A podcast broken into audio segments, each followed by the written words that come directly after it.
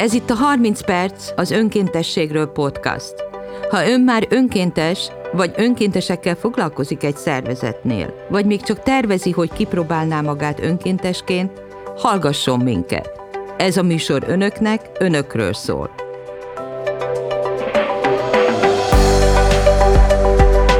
Az egyes műsorokban az önkéntes szemlében megjelenő tanulmányok alapján olyan gyakorlati, elméleti szakemberekkel, önkéntesekkel fogok beszélgetni, akik mindennapi munkájuk, önkéntességük révén alakítják, formálják a hazai önkéntes szektort.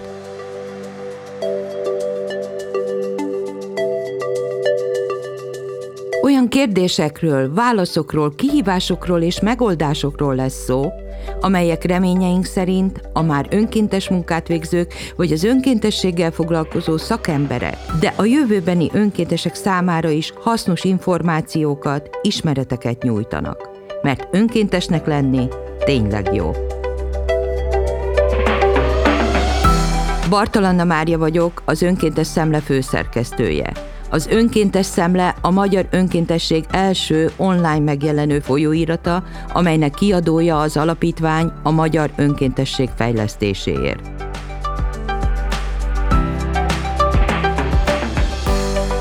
Tíz éve 2012-ben jött létre a Civil Közösségi Szolgáltató Központok hálózata.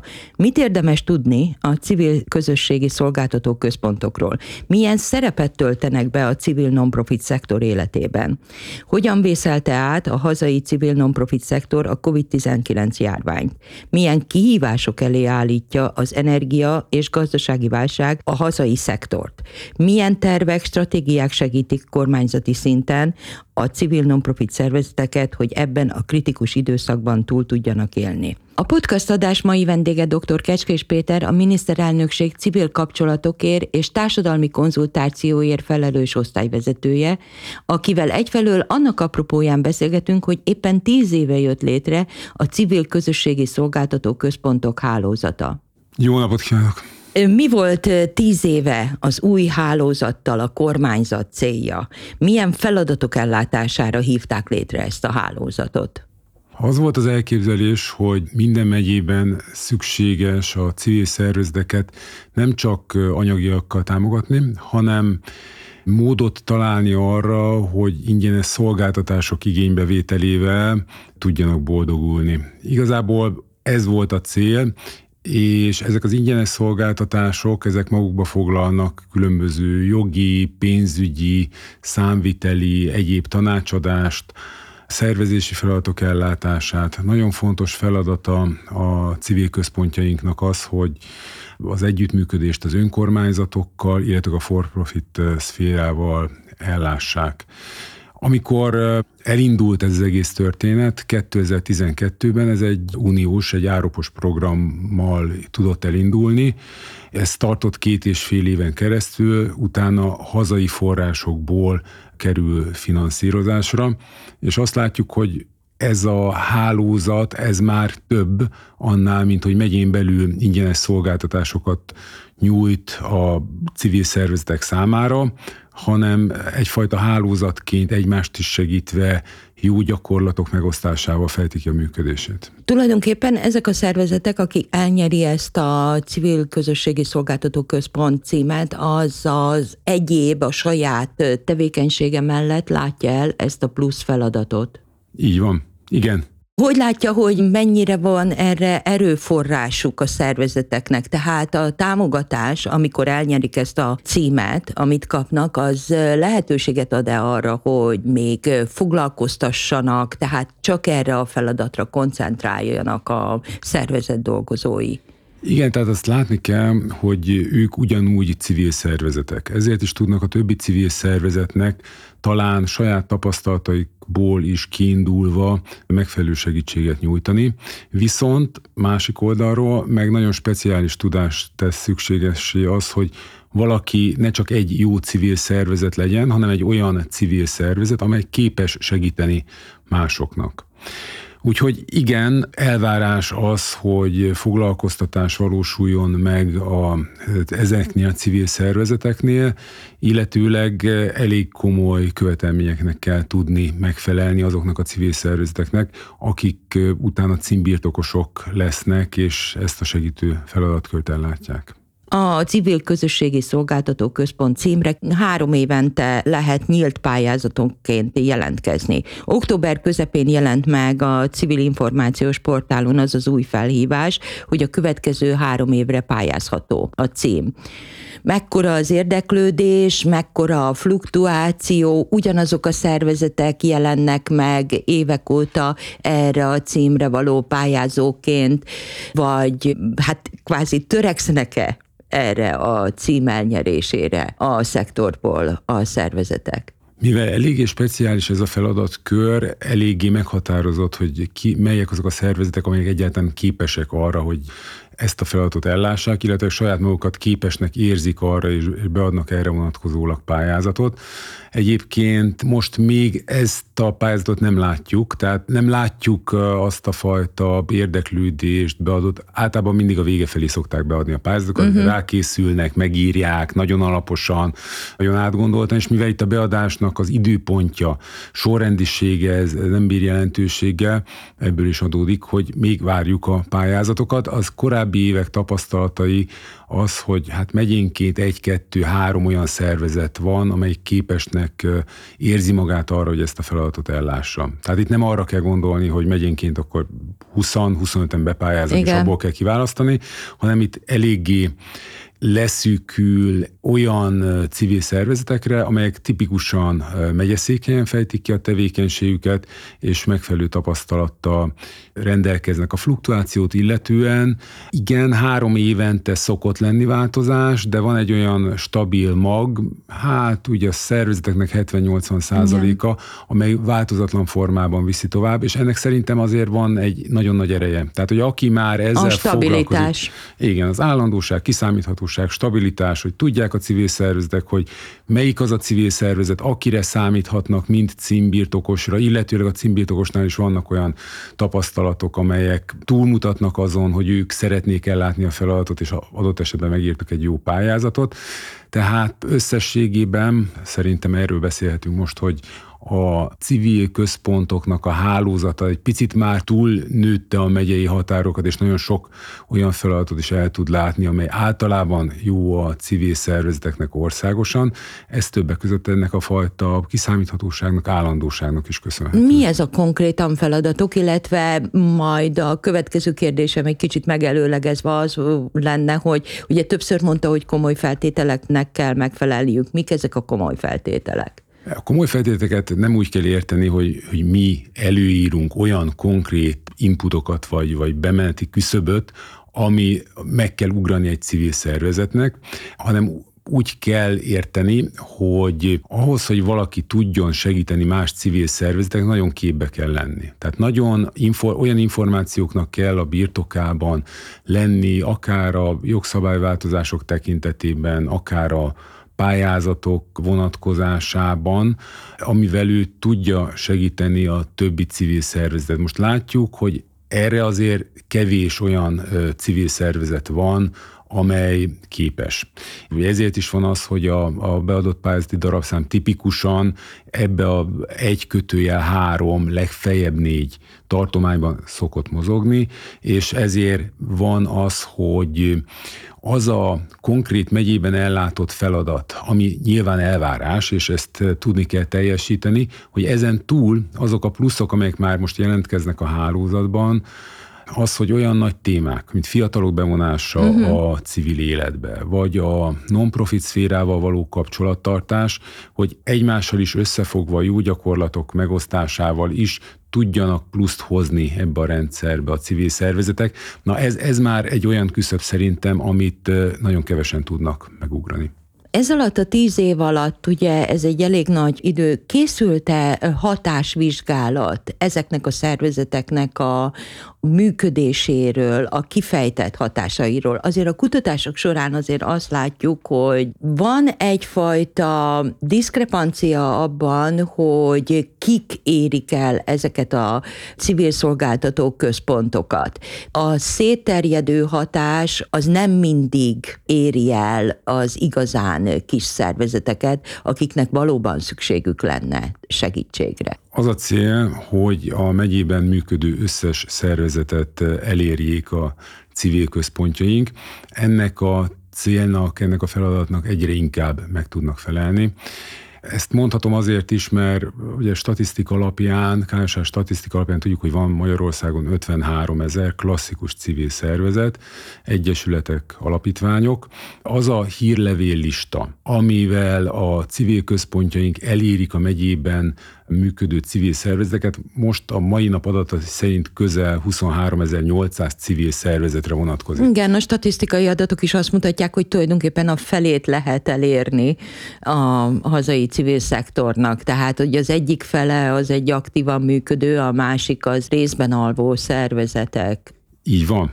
Ezért gondolom, hogy a 23.800-as szám az egy elég jó szám, pont azért, mert hogy az alvó civil szervezeteket ugyan el lehet érni, de az a picike civil szervezet, aki egy évben legfeljebb egyszer egy szakmai programot hoz létre, vagy valósít meg, őket el lehet érni ugyan. Kérdés, hogy ők mennyire akarják, hogy elérjük őket, illetőleg mennyire van erre vonatkozó a fogadókészség. Minden civil központnak a feladata, hogy elérje az összes megyében működő civil szervezetet.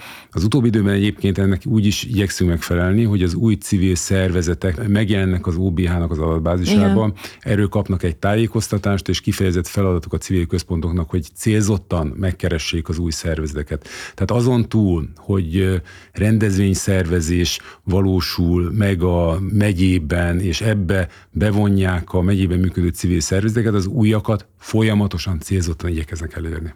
Hát azért mondhatok egy saját tapasztalatot, az önkéntes szemlét kiadó alapítványa Magyar Önkéntességfejlesztésért még nem kapott ilyen megkeresést, és mi pont két éven belül alakultunk. Nem is állítottam, hogy ez két, két éve indult el, ez a tevékenység, ez kb. egy, egy, egy éves történet, hogy még pluszba ilyen módon is igyekszünk elérni a civil szervezeteket, de természetesen minden civil központ, na, tehát van egy civil információs portálunk, ez uh-huh. a mhm. civilinfo.hu. Ez egy nagyon jó jó portál, ajánlom mindenkinek. Köszönöm szépen, és akkor ott nagyon sok mindent el lehet, nagyon sok információhoz lehet jutni, többek között a civil központokkal kapcsolatban.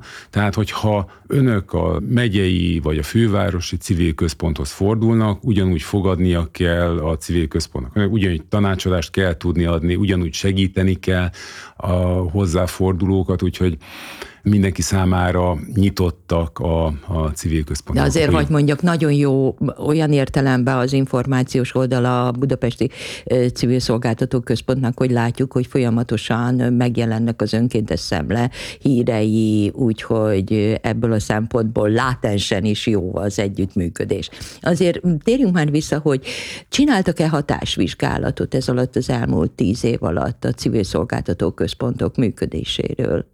Három olyan századvéges kutatás volt, ami több ezeres mintán alapul, és ami általában a civil szektornak a működését célozza, de voltak benne olyan kérdések is, amelyek a civil központ működésével áll összefüggésben. De konkrétan a civil szolgáltató központoknak egyfajta ilyen működési átvilágítása az az elmúlt tíz évben megtörtént-e?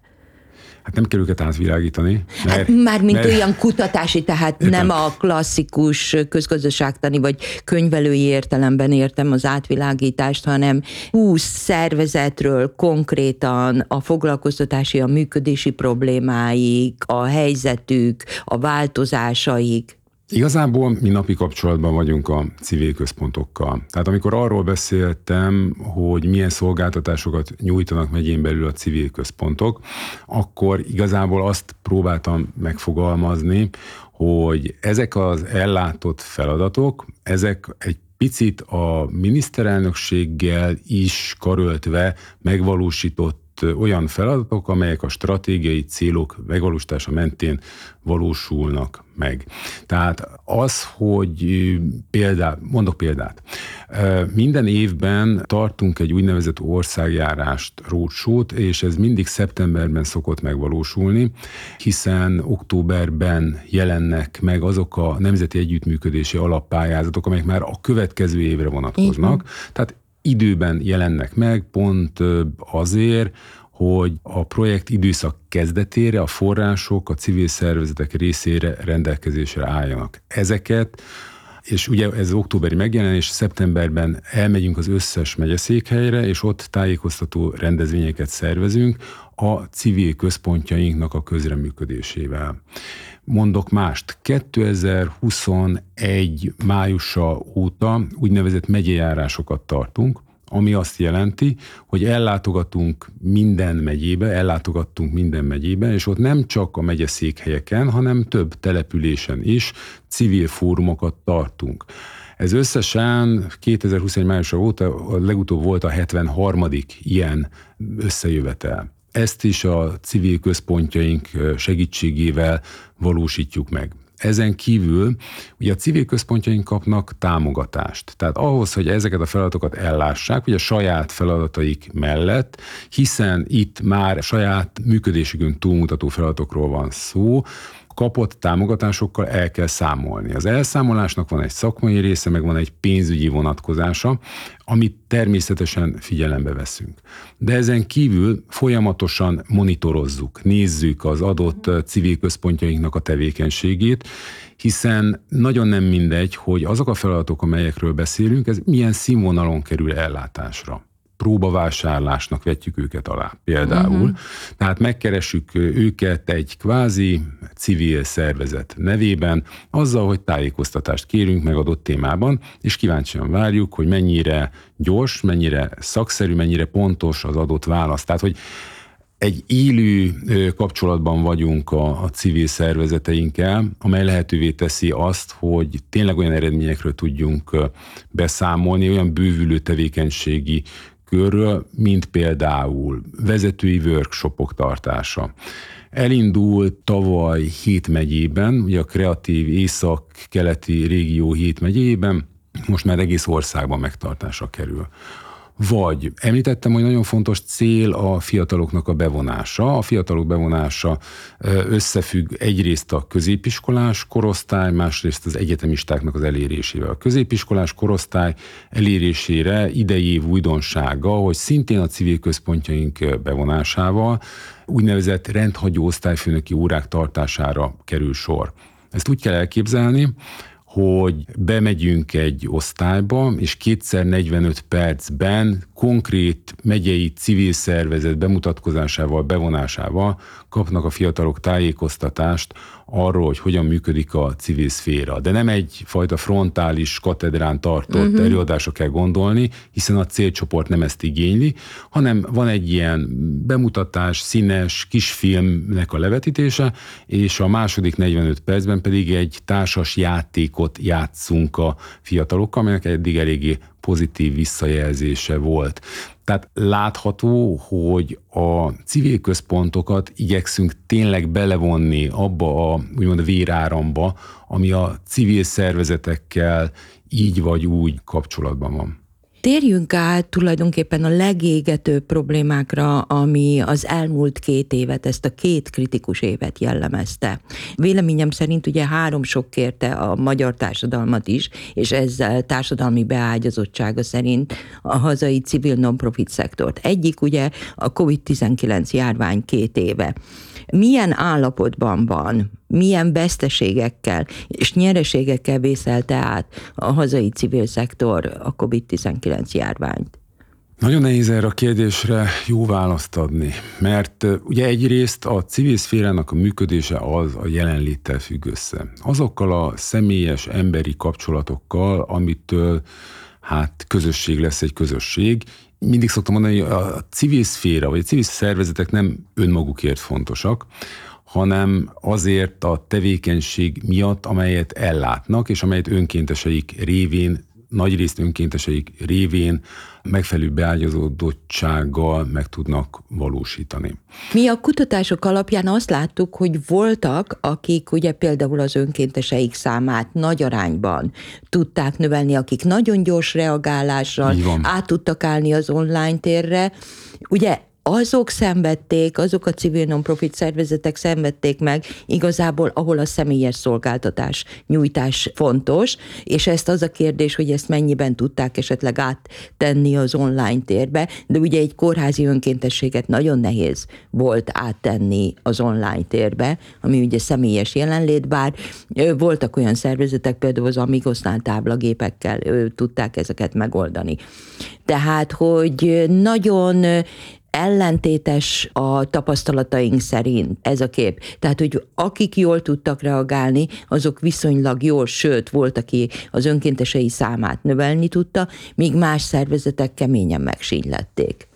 Igen, azért is mondom, hogy nem, nem egy egyszerű kérdés, mert ez nagyon tevékenységfüggő. Tehát, hogy mivel foglalkozik az adott hát meg azt szervezet. gondolom, hogy a szervezet erőforrásainak függősége, illetve az, hogy a szervezet mennyire tudott, mennyire, egyébként is mennyire használta az úgynevezett modern technikákat, és ezt mennyire tudta akkor hirtelen aktivizálni.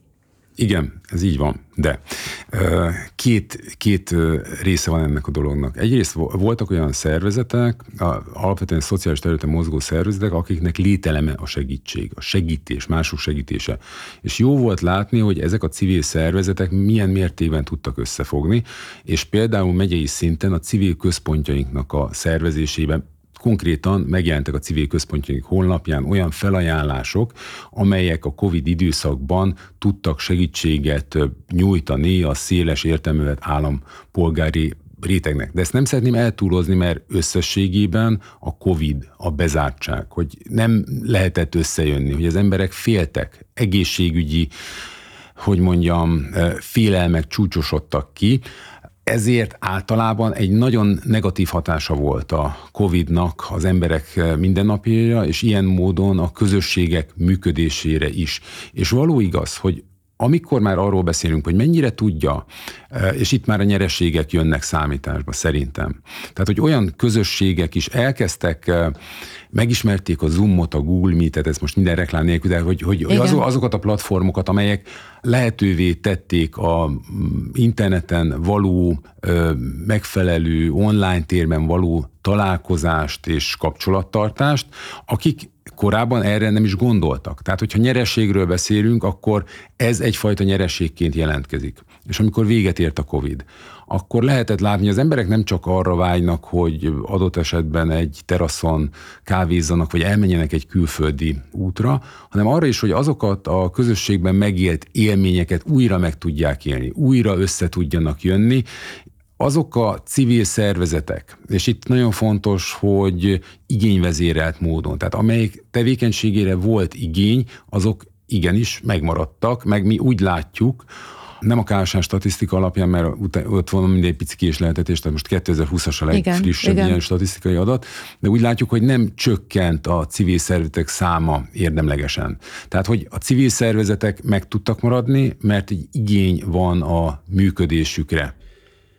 Hagy vesem az közben, hogy tulajdonképpen a COVID az azt is megmutatta a járvány két éve, hogy milyen az önkormányzatok és a civil szervezetek közötti együttműködés. Mert azért azt lehetett látni hatósági szerepüknél fogva, hogy az önkormányzatok váltak a civil segítségnyújtás megszervezőivé, és erőteljesen támaszkodtak is erre, de ez egy nagyon különböző helyzetet okozott. Tehát, hogy itt említette a civil szolgálat szolgáltató központoknál jelentkező felajánlásokat, de tulajdonképpen ez ugye annak is példája volt, hogy hogyan tud az önkormányzati és a civil szektor együttműködni. Hogyne hiszen ez is egyik feladata a civil központjainknak, hogy az önkormányzat és a for-profit szférával való együttműködést előmozdítsa. Nyilván önkormányzatok nagyon fontos, nagyon fontos velük való együttműködés. Azt lehet látni, hogy a kisebb településeken ez, ez nagyon személyes síkon mozog. Tehát, hogy milyen kapcsolatokat ápolnak az adott civil szervezeti vezetők, a civil szervezet képviselői, az önkormányzat tal, az önkormányzat vezetésével, a polgármesterrel ez nagyban hozzájárul, és nagyon sok önkormányzati részéről elhangzott az, hogy amikor megkérdeztük, hogy ők mennyire tudják segíteni, tudjuk, ismerjük az önkormányzati támogatási rendszert ilyen szempontból, de elhangzott az, hogy nem, nem csak arról van szó, hogy ők segítenek a civil szervezeteknek életben maradni, működni, hanem ilyen helyzetben a civil szervezetek által nyújtott segítség is rendkívül fontos. Készült-e ezzel kapcsolatos helyzetelemzés a COVID-ról, a COVID hatásairól? Így helyzetelemzés nem készült. A helyzetelemzés helyett mi jártuk az országot, és az előbb említett 73 beszélgetés mindegyikében kitértünk arra, hogy az résztvevő civil szervezetek, amikor interaktív módon leültünk, ők is kérdeztek, válaszoltunk, tehát hogy nem frontális jelleggel valósult meg, minden esetben kitértünk erre a kérdéskörre. Ugye a, a helyzetelemzés COVID... lényege mindig az, hogy egy következő stratégiát lehessen erről kidolgozni, mert ez a civil szektor tulajdonképpen nem ugyanaz, mint ami két-három évvel ezelőtt ö, volt. Tehát tulajdonképpen itt mondhatni azt, hogy egy másfajta induló helyzet, másfajta kihívásokkal szembesül. Erre egy kicsit rá téve még a következő, amit itt említettem, hogy három sok, ugye jön itt a, a gazdasági válság közepén vagyunk, és egy energiaválság közepén, ami például egy olyan stabilan működő intézmények, mint a civil szolgáltató központok, ugye, aminek nyitva kell lenni, fenn kell maradnia, tehát erőteljesen érinti. Hogy nem, persze. Ezért az elmúlt három év mindegyikében készült egy olyan kutatás, amely a civil szféra egészének működését érinti, és vizsgálja azokat a hatásokat, amelyek ezek a civil voltak ezek a kutatások? érinti. Hát az előbb említett század véges kutatás, ami De ez az el, előző számol. három évről történt. Tulajdonképpen azt gondolom, és ugye nem tudunk most beszélni az ő nemzeti önkéntes... Nem, nem, nem, nem, nem előző három évről, három éven keresztül mindegyik évben tehát 20-ban, 21-ben és 22-ben is volt egy ilyen kutatás, Aha. amelyen néztük a civil szervezeteknek a működését, a, a különböző Ezek hatásokat. Ezek a kutatások elérhetők? Mert én például nem láttam. Nagyon jó a kérdés. Igazából ezeket a kutatásokat mi rendeltük Aha. meg, és azért rendeltük meg, hogy azokat a feladatokat, amit a uh-huh. miniszterelnökségnek el kell látni, alapvetően szakmai irányítás feladatokat minél hatékonyabban. És ha nem titok, akkor el, mi, a, mi jött ki a kutatásból? Mit mondanak az eredmények, hogy milyen helyzetben van a szektor, és, és például számolnak-e azzal, hogy ez a gazdasági és energiaválság elindíthat egy szervezet csökkenési folyamatot, hisz egyszerűen nem lesznek képesek a, a szervezetek fenntartani az irodát, kitermelni azt az összeget, amivel például a megemelkedett árakat ki tudják fizetni. Ugye ez a problémakör, tehát ez a rezsi problémakör azért eléggé friss. Tehát tudjuk, hogy az energiaválság kezdete az az orosz-ukrán háború kitöréséhez, tehát ez év februárjához Igen. datálódik.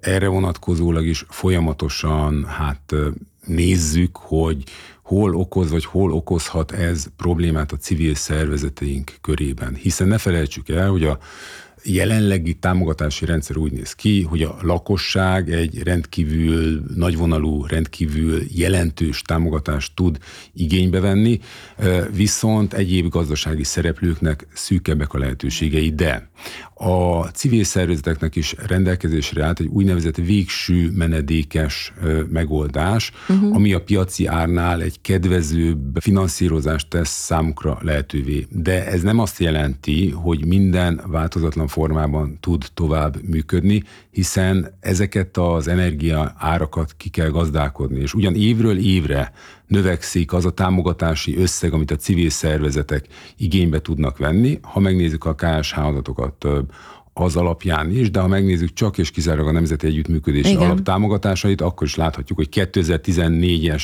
3,4 milliárdról a teljes keretösszeg 11 milliárd forint fölé nőtt. Ami, de hát ami egy, egy gazdasági válságnak azért lehet az a következménye, hogy ezeket a támogatásokat esetleg a következő években csökkennek. Most az a jó hírem, hogy mivel a civil törvény ad egy képletet, tehát a civil törvény bekerült bevezetésre az a számítási mód, ami alapján a, a személyi jövedelemadó 1%-ához hozzá van kötve a támogatási rendszer, ezért tudjuk azt mondani, hogy évről évre növekednek a Nemzeti Együttműködési Alap ilyen jellegű támogatásai. Ahol egyébként kifejezetten gondolunk a kisebb civil szervezetekre, amikor úgynevezett egyszerűsített támogatás benyújtására is lehetőséget biztosítunk a számukra. Egyébként tegnap volt a határideje Igen. az egyszerűsített támogatás benyújtásának, ami ugye azért is érdekes, mert nincsen tartalmi bírálat, hanem ha valaki a formai feltételeknek megfelel, ilyen szervezetként, akkor automatikusan kap egy 350 ezer forintos összeget, amit működésre is tud fordítani, akár teljes egészében a rezsiköltségeinek a fedezésére. Tehát én úgy látom, hogy ez a civil szervezetek költségvetésiben várhatóan nem fog olyan jellegű problémákat okozni, amit az egyébként növekvő bevételek révén valamilyen módon nem lehetne kompenzálni. Sok mindenről nem beszéltünk, és nyilván nincs is rá olyan módon idő, de én azért fontosnak tartom azt tényleg leszögezni, hogy az elmúlt néhány évben olyan támogatások érintették a civil szervezeteket, amelyek korábban nem voltak egyszerűen. Tehát nem volt falusi civil alap, nem volt városi civil alap.